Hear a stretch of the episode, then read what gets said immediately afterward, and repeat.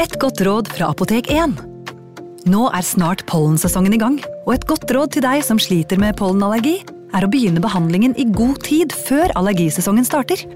Da får du nemlig enda bedre effekt av legemidlene, og så blir ikke våren din helt ødelagt. Kom innom og få råd på ditt nærmeste Apotek 1, eller chat med oss på apotek1.no. Apotek 1 vår kunnskap, din trygghet.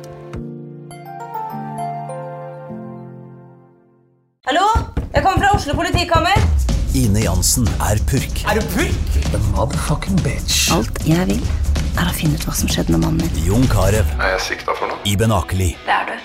Ole So, Lars Berrum og Big Daddy Karsten. Hvem sin side er du på, egentlig? Anette Hoff, Tone Danielsen, Kommer du fra Afrika? Jørnis Josef, Nesten. Kløfta. Trond Espen Seim, Det er synd å si det, men det var feil mann som døde. Purk. Premiere tirsdag på TV2 Play. Ungsamtalen fra DNB er økonomisk veiledning tilpasset deg som er ung. Bokk en ungsamtale på dnb.no. slash ung. Det er kjempebra hvis du skal inn på boligmarkedet, hvis det er drømmen din, liksom. Det er det du skulle sagt. Og så kunne du ropt litt mer, da, sånn som jeg gjorde. Bam! Advarsel.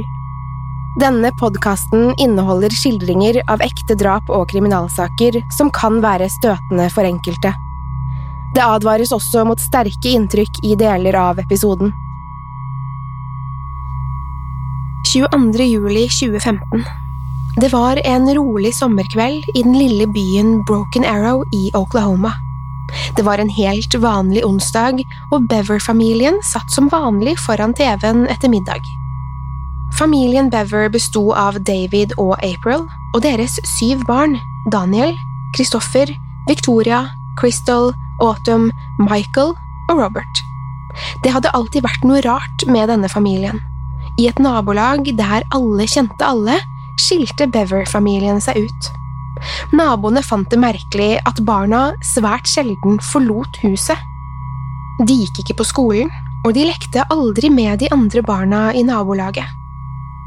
Foreldrene David og April virket reserverte og ønsket heller ikke noen kontakt med naboene sine. Likevel var det ingen som i sine villeste fantasier kunne forutse hva som ville skje i dette huset, i denne fredelige, lille byen. 13 år gamle Crystal var David og Aprils eldste datter. Hun hadde, i likhet med sine søsken, ingen venner å leke med. Hun pleide derfor å dilte etter sine to storebrødre, Michael og Robert. De var 16 og 18 år og lot seg ofte irritere av lillesøsterens nærvær. Det var en klassisk søskenrelasjon. Crystal idoliserte brødrene sine, mens de så det som en byrde å tilbringe tid med henne. Men denne kvelden virket alt annerledes. Mens resten av familien satt i stuen, spurte Michael og Robert om Crystal hadde lyst til å bli med opp på soverommet deres. De ville vise henne noe på datamaskinen. Overlykkelig spratt Crystal opp. Hun nølte ikke et sekund med å bli med brødrene sine opp trappen til soverommet. Utenfor døren til brødrenes rom stoppet hun opp. Hun visste ikke helt hvorfor, men hun følte et lite stikk i hjertet. Velkommen til True Crime Podden.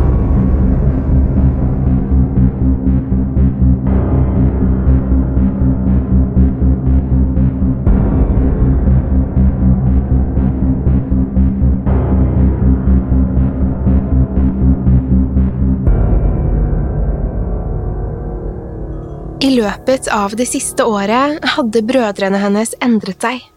De hadde tilbrakt mye tid for seg selv, og hun hørte ofte at de snakket sammen på kveldene. Samtaleemnene hadde skremt henne. Michael og Robert snakket nemlig om seriemordere og massedrap, men de var kanskje spesielt fascinert av skoleskytinger. De diskuterte ofte dette da de trodde at ingen kunne høre dem.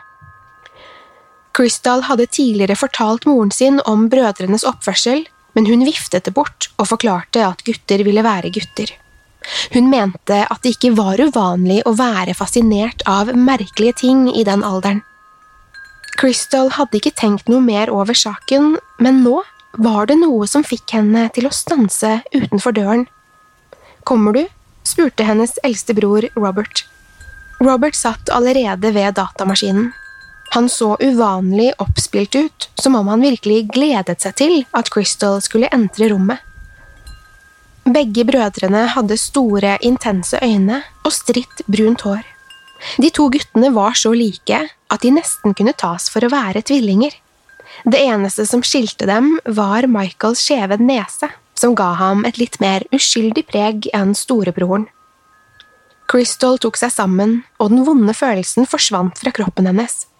Hun gikk inn døren mot Robert, som satt klar ved datamaskinen. Robert pekte på skjermen, og Crystal bøyde seg fremover for å se hva han pekte på. Michael, som hadde stått bak henne, grep plutselig tak i søsteren.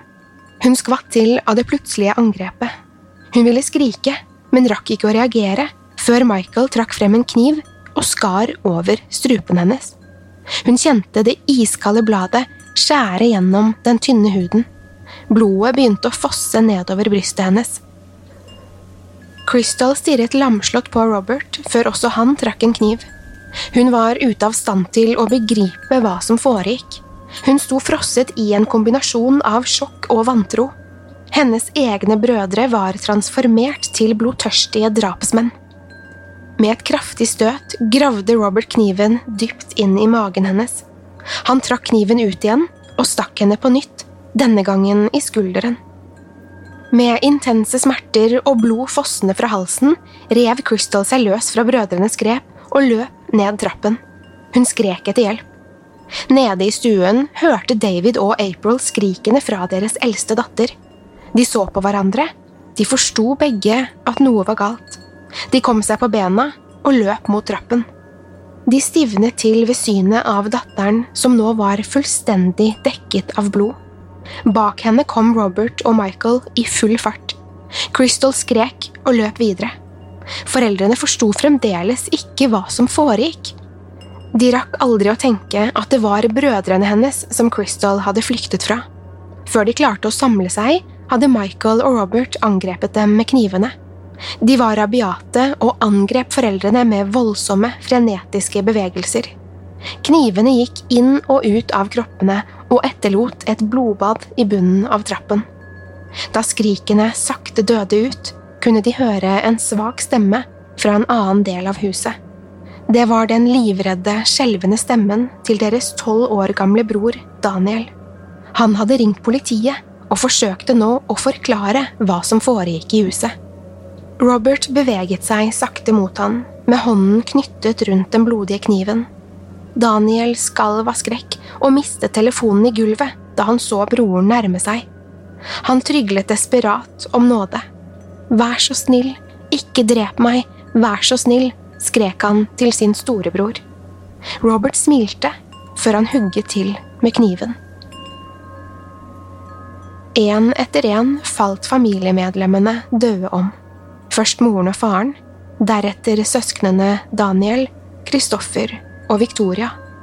Det hele var over i løpet av noen få minutter. Etter massakren falt stillheten over det lille huset. Robert og Michael sto nå alene i huset og tok inn over seg resultatet av angrepene. Guttene var dekket fra topp til tå av foreldrene og søsknenes blod. Spredt utover gulvet lå hele familien deres, slaktet. Men det var én som manglet. Det var først nå guttene innså at Crystal ikke var i huset. Inngangsdøren sto åpen, og brødrene løp ut for å se etter henne. De trengte ikke lete lenge. Crystal lå på plenen utenfor huset, i en dam av sitt eget blod. Robert og Michael gikk ut og dro Crystal med seg inn i huset igjen. De plasserte alle de døde familiemedlemmene ved siden av hverandre på stuegulvet. Michael og Robert beundret sitt eget verk. Familiemedlemmene lå der døde, på rekke og rad, og helt ytterst lå Crystal. Det var noe som ikke stemte. De la merke til en liten bevegelse. Brystet hennes reiste seg sakte, før det falt igjen. Guttene gikk nærmere søsteren for å undersøke. Hun puster fremdeles. På mirakuløst vis var det fremdeles liv igjen i Crystal. Robert fant frem kniven for å fullføre jobben en gang for alle. Det banker på døren. Politiet hadde ankommet huset. Guttene rakk ikke å gjøre noe med Crystal. De måtte løpe. De sprang ut bakdøren, men kom ikke langt før de ble tatt igjen av politimennene. Drapene som ble begått av brødrene Robert og Michael Bever, rystet hele USA. Hva var det som fikk to tenåringsgutter til å ta livet av sin egen familie? Det var ikke bare drapene som sjokkerte befolkningen, det var også den kaldblodige måten det ble utført på. Obduksjonsrapportene kunne fastslå at David ble stukket 28 ganger og April hele 48 ganger. Søsknene Daniel på 12 år, Christopher på 7 år og Victoria på 5 ble drept av til sammen 33 knivstikk. Blodbadet de to brødrene etterlot seg, var et makabert syn. Da de første bildene fra rettssaken rullet over TV-skjermene, ble man møtt av to unge gutter som virket totalt uberørte av drapene. Ved første øyekast fremsto de to brødrene som helt vanlige tenåringsgutter. De småpratet og lo som om ingenting hadde skjedd. Brødrene var tydelig oppspilte og virket fornøyde med å ha gjennomført drapene. Oppførselen til de to brødrene stemte ikke overens med ideen om to forvirrede gutter som hadde drept sin egen familie i en spontan handling. Oppfatningen blant befolkningen var at drapene måtte ha skjedd som en plutselig reaksjon. De regnet med at brødrene hadde mistet forstanden og handlet i et øyeblikk av galskap under massakren. Denne oppfatningen viste seg å ikke stemme. Det var nemlig ikke noe spontant med disse drapene. Guttene smilte da de sto for retten, fordi det var akkurat dette de hadde ønsket. Drapene på deres egen familie hadde vært planlagt ned i minste detalj over en lang periode. Robert Bever var 13 år da ideen om å drepe sin egen familie streifet tankene hans for første gang. Han hadde sittet oppe en natt da han begynte å lese om den grusomme massakren på Columbine i Colorado. En helt vanlig tirsdag den 20. april 1999 gikk to elever ved Columbine High School inn på sin egen skole. Det var lunsjtid, og lærerne og klassekameratene deres var samlet i kantinen som lå i selve hjertet av skolen. Guttene skjulte maskingevær på innsiden av sine lange, mørke frakker. De skulle ta hevn på de lærerne som jobbet mot dem, og på klassekameratene som alltid hadde ignorert dem. Inne i kantinen begynte de å skyte vilt rundt seg. Det som hadde vært et fredelig friminutt, ble raskt forvandlet til et helvete. Alt i alt døde tolv lærere og elever denne dagen. Robert hadde aldri følt seg så opphisset som da han leste om denne skolemassakren. Dette var et av de mest beryktede massedrapene i USAs historie, og Robert beundret hvordan gjerningsmennene hadde beholdt roen underveis. Han respekterte hvordan de ikke lot noen herse med dem, og at de hadde tatt saken i egne hender. Etter å ha lest om denne hendelsen ble Robert besatt av ideen om å drepe. Han begynte å lese alt han kom over om skoleskytinger, massedrap og seriemordere. Mange kan kanskje kjenne seg igjen i en slags fascinasjon for grusomme handlinger og gale mennesker, men Robert tok dette altfor langt. Han så opp til gjerningsmennene som sine helter og idoler. De representerte en type menneske som han selv ønsket å være. De representerte selvrespekt og fryktløshet. Robert begynte sakte, men sikkert å utvikle ideen om å selv utføre en lignende massakre. Dermed ville også han bli fryktløs. Selv om familien Bever fra utsiden virket som en ganske vanlig familie, hadde det ikke vært et godt sted å vokse opp for barna. Foreldrene David og April skal ha drevet med både fysisk og psykisk mishandling av barn. Robert har senere fortalt at hans far ved flere anledninger hadde blitt så sint at han hadde slengt ham i veggen. Barna var nesten isolert fra omverdenen. Ingen av dem fikk gå på skole, og fikk derfor ingen venner utenfor søskenflokken. Om de fikk skoleundervisning fra foreldrene, vet vi ikke, men mye kan tyde på at all form for utdanning ble neglisjert. Det er vanskelig å forstå hvorvidt foreldrene var den direkte årsaken til Roberts forskrudde tanker, men det er nærliggende å tro at de bidro til å forverre tilstanden hans. Roberts drapsfantasier fortsatte å utvikle seg helt til de nådde et toppunkt i juli 2012. Robert hadde nå fått et nytt idol. Bilder av amerikaneren James Egan Holmes prydet forsidene av alle landets aviser.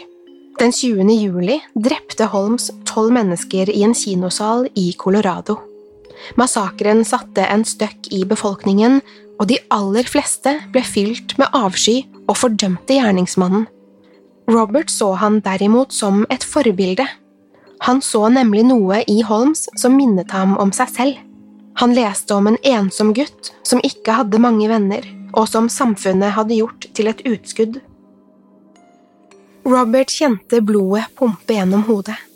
James Egan Holmes lot ikke samfunnet fortelle ham hva han skulle eller ikke skulle gjøre. Han hadde tatt saken i egne hender. Holmes hadde over natten gått fra å være en nobody til å bli en alle kunne navnet på. Dette ble en ny dimensjon for Robert. Fra dette øyeblikket begynte han å fantasere om å bli berømt. Han ville også vise verden hva han var i stand til å gjøre. Samtidig som at Roberts fascinasjoner ble mørkere og mørkere, begynte også hans bror å oppdage de samme impulsene i seg selv. Michael satt på datamaskinen sin og fordypet seg i grusomme historier om drap. Michael brukte mye tid alene på denne måten, men det var aldri noen som stusset over dette. Michael var en rolig og sjenert gutt som rett og slett ikke gjorde så mye ut av seg. En kveld gikk Robert inn på soverommet, der hans bror satt foran datamaskinen. Michael hørte ikke at Robert kom inn, og fikk ikke lukket internettsiden i tide. Robert så storøyd på skjermen, han klarte ikke å se vekk fra bildene. På PC-skjermen var det bilder og artikler om massakre og massedrap. Michael forventet at broren skulle bli sint, eller kanskje litt skremt, men det ble han ikke. Robert sto der med et stort smil om munnen. Robert hadde akkurat oppdaget at han og broren delte en felles fascinasjon for drap. Dette var en stor, men gledelig overraskelse for Robert. Han var ikke lenger alene med disse merkelige tankene. De to brødrene, som delte rom, kunne nå også dele alle sine dypeste tanker med hverandre. Lettelsen over å endelig finne en likesinnet må ha vært enorm for de to brødrene. De satt oppe kveld etter kveld og planla hvordan de skulle gjennomføre et massedrap. Drømmen var at de skulle gjennomføre noe så grusomt at både skoleskytingen på Columbine og massedrapet på kinoen i Colorado ville blekne i forhold. Denne planleggingen startet for fullt i 2014, ett år før de slaktet familien sin. Da guttene ble avhørt etter pågripelsen, kunne de nesten ikke vente med å beskrive hendelsesforløpet for politiet. Robert virket spesielt oppspilt. Han sperret opp øynene og så nesten manisk ut mens han pratet. Michael var også oppspilt, men bleknet litt da han ble adskilt fra broren. Det var tydelig at Robert var lederen. Det første de fortalte politiet, var at mordplanen i sin helhet var å finne på en harddisk gjemt på åstedet. Politiet stusset litt over denne detaljen. Hvorfor skulle de ha skrevet en plan? Hvor mye planlegging hadde disse knivdrapene egentlig krevd? Da politiet spurte hva denne harddisken inneholdt, fortalte brødrene at drapene på familien ikke var deres eneste mål denne kvelden. Planen de hadde brukt flere år på å tenke ut, hadde ikke blitt utført slik de hadde ønsket. Planen hadde feilet. Det første som hadde gått galt, var at de ikke klarte å drepe alle familiemedlemmene. Deres søster Crystal på 13 hadde på mirakuløst vis overlevd da brødrene overfalt henne på soverommet. Deres yngste søster, som bare var to år, hadde også overlevd. Hun hadde sovet i sengen sin og ble funnet av politiet uten noen skader. Brødrene hadde blitt lurt av Crystal da de så henne ligge ute på plenen. Som følge av alt blodet var de sikre på at hun var død da de dro henne inn i huset. Crystal hadde først besvimt av skadene, og da hun våknet, klarte hun å spille død, helt til politiet banket på døren. Guttene fortalte også hvordan de hadde planlagt å drepe sin to år gamle søster Autumn med øks. De planla å hugge henne opp etter at resten av familien var tatt hånd om. De forklarte, med skuffelse i stemmen, at de ikke rakk dette før politiet banket på døren. Drapet på deres egen familie var så grusomt at det nesten ikke er til å begripe. Men disse mordene var altså ikke nok for de to brødrene. Dette var bare første del av planen til Robert og Michael. Robert hadde i mange år planlagt og drømt om å begå massedrap. Han visste at dersom han skulle få til dette, måtte han ha våpen og ammunisjon. Derfor begynte Robert som 17-åring å jobbe som telefonselger. Han jobbet så mye han kunne for å spare opp nok penger til de våpnene han ønsket seg. Disse våpnene skulle brukes i andre del av massakren. Etter at familien var blitt drept, skulle Michael og Robert kjøre fra åstedet. Familiebilen i garasjen var allerede lastet med våpen og ammunisjon. De skulle kjøre til ulike lokasjoner rundt i Oklahoma og drepe så mange mennesker de klarte før de ble tatt av politiet. Deres opprinnelige mål var å drepe minst 100 mennesker. Politiet kunne notere en lengsel i guttene mens de fortalte om denne delen av planen. De virket nesten sørgmodige over å aldri få sette denne planen til liv. Da guttene ble spurt om hva som var motivasjonen deres, ble det raskt tydelig at berømmelse var et viktig aspekt. Alle de massemorderne de så opp til og hentet inspirasjon fra, hadde sin egen Wikipedia-side. Michael fortalte at dette var noe de hadde drømt om. De så for seg hva som skulle stå i artikkelen. To gutter fra Broken Arrow slaktet familien sin, for deretter å skyte ned 100 tilfeldige mennesker. Tanken på forsiden av avisene og på alle landets nyhetskanaler var også noe som pirret dem. Robert mente at de ikke hadde gjort noe galt. Det finnes for mange mennesker på jorden, og vi gjør menneskeheten en tjeneste ved å fjerne noen, hevdet han. Det var slik guttene rettferdiggjorde de grusomme handlingene. De så på seg selv som guder. De skulle bestemme hvem som skulle leve, og hvem som skulle dø. Robert poengterte også at det høyst sannsynlig ville ha vært et ondt menneske blant de hundre de hadde planlagt å drepe. Han mente at regnestykket derfor ville gå opp i opp. Selv om berømmelse var en stor inspirasjon for de to guttene, er det vanskelig å ignorere deres oppvekst når man skal prøve å forstå handlingene deres. Hvordan er det å vokse opp uten en skole å gå til, eller venner å leke med? Denne tilværelsen må ha vært svært ensom for guttene. I tillegg kom det frem i avhørene at faren deres i mange år hadde drevet med fysiske avstraffelser. Slag og spark var vanlig kost dersom barna ikke gjorde som han ønsket. Han skal også ha banket opp kona foran ungene sine. Disse opplysningene ble bekreftet da Crystal omsider kom ut av sykehuset etter hendelsen. Hun beskrev også en oppvekst og kjente seg igjen i både den fysiske og psykiske mishandlingen som brødrene beskrev. Crystal var fremdeles i sjokk da hun ble avhørt av politiet. Hun forsto ikke hvordan hennes egne storebrødre kunne gjøre noe så ondskapsfullt. De to guttene hun hadde vokst opp med, lekt sammen med og sett opp til, hadde nesten utslettet familien hennes. Selv om hun var rystet over det som hadde skjedd, kunne hun likevel bekrefte at hun hadde merket en endring i brødrene sine i løpet av det siste året. Det var en entusiasme i stemmene deres som skremte henne. De snakket om skoleskytinger som om det skulle være en fotballkamp eller et nytt videospill. Crystal prøvde å advare moren, men ingen av foreldrene ville høre på henne. De mente at Crystal var paranoid, så hun lot saken ligge. Miljøet i huset var giftig, og ingen av barna turte å motsi foreldrene sine. De var redde for konsekvensene, og Crystal visste at det var best å bare holde munn.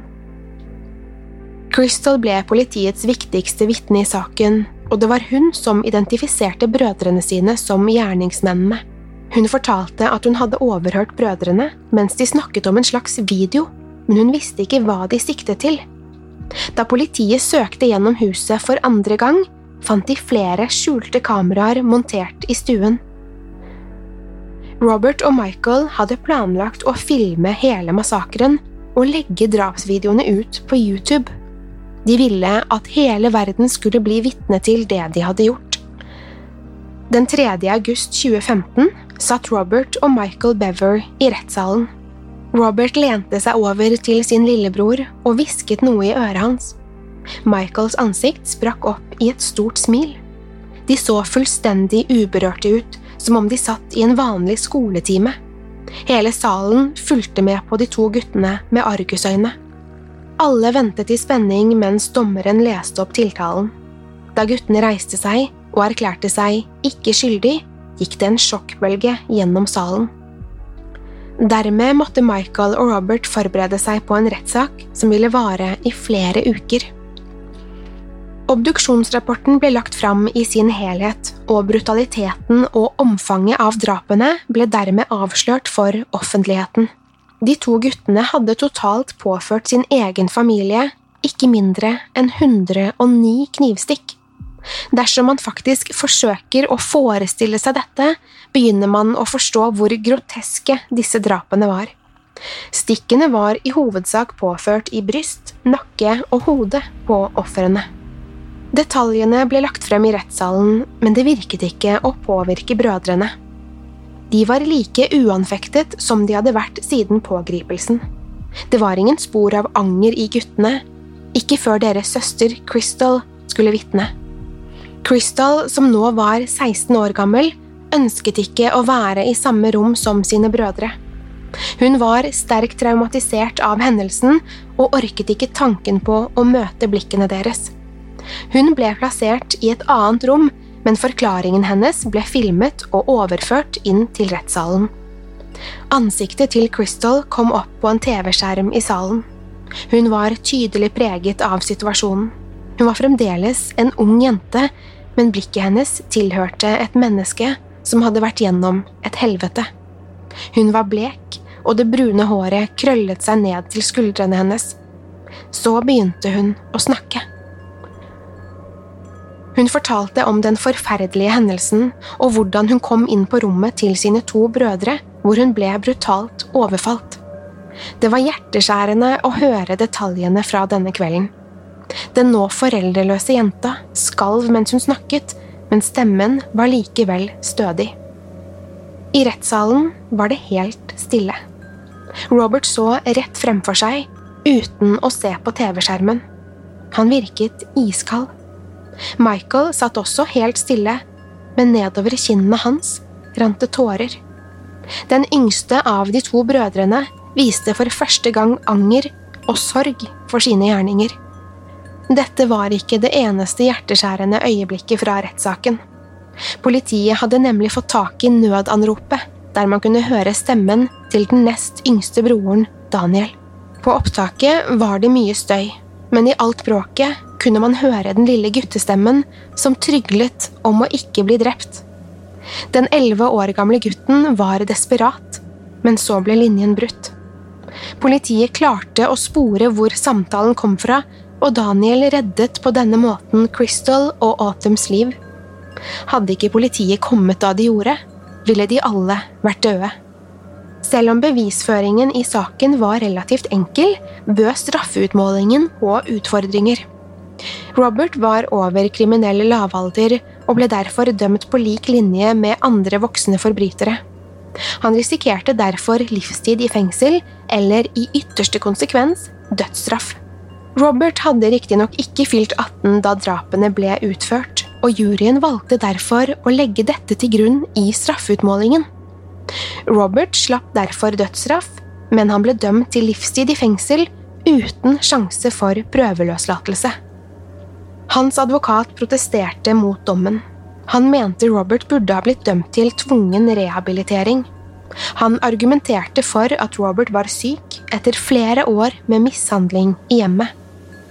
Problemet var at det ikke fantes noen håndfast bevis for denne påståtte mishandlingen. Uttalelsene fra brødrene og Crystal var ikke nok til å overbevise dommeren, som var sikker i sin sak. Han sendte Robert til fengsel for resten av livet. Michael var i motsetning til Robert ikke myndig og kunne derfor ikke dømmes på lik linje med broren sin. Han ble likevel dømt til livstid, men med mulighet for prøveløslatelse. Det er vanskelig å forestille seg hva som gikk gjennom hodet til de to brødrene da dommene ble lest opp. Var det dette de hadde forestilt seg? Visste de egentlig hva de gjorde? De to brødrene så på hverandre mens de ble ført ut av rettssalen. De ble sendt til to ulike fengsler og igjen ville de føle seg fullstendig alene i verden. Over de neste årene sonet de to brødrene hver sin dom i to ulike fengsler milevis unna hverandre. Det ble skrevet lite om Michael, og det virket som om han holdt en lav profil i fengselet. Robert dukket igjen opp i nyhetsbildet noen år senere. Avisene kunne fortelle at han var satt i isolasjon etter å ha prøvd å drepe en fengselsbetjent med kniv. Hva som lå bak dette angrepet, er uvisst, men Robert prøvde senere å ta sitt eget liv mens han satt i isolat. En vakt gikk tilfeldigvis forbi cellen og fikk avverget situasjonen i siste øyeblikk. Det kunne virke som om Robert også hadde begynt å angre. Det er umulig å si hva det er som får to tenåringsgutter til å ville drepe sin egen familie. Om svaret ligger i barndommen eller i psykisk helse, får vi nok aldri konkrete svar på. Det som er sikkert, er at drapene som rystet Broken Arrow, dessverre ikke er unike. Over hele USA skjer lignende massedrap flere ganger i året. Tilgangen på pistoler automatvåpen og kniver er enorm. Dette gjorde at Robert og Michael hadde muligheten til å ta livet av sin egen familie. Hadde det ikke vært for nødanropet til deres lillebror Daniel, ville kanskje antallet døde vært langt høyere. The Broken Arrow Killings blir stående som en av de verste enkelthendelsene i Oklahomas historie. Robert og Michael Bever er i dag 21 og 23 år gamle og vil sitte i fengsel resten av sine liv for de grusomme handlingene den 22. juli 2015.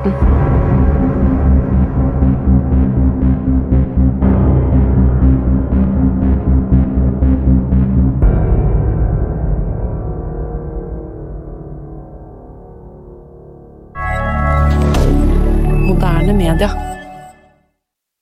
Har du et enkeltpersonforetak eller en liten bedrift? Da er du sikkert lei av å høre meg snakke om hvor enkelt det er med kvitteringer og bilag i fiken, så vi eh, gir oss her, vi. Fordi vi liker enkelt. Fiken superenkelt regnskap. Hei! Takk for at du lytter til True Crime Poden. Skulle du ønske at du kunne høre en ny episode av denne podkasten hver eneste uke? Vel, da er det bare å laste ned podkastappen Untold med en gang. I tillegg til ukentlige episoder av podkaster som Skrekkpodden, Synderne og Henrettelsespodden, får du masse annet reklamefritt og eksklusivt innhold.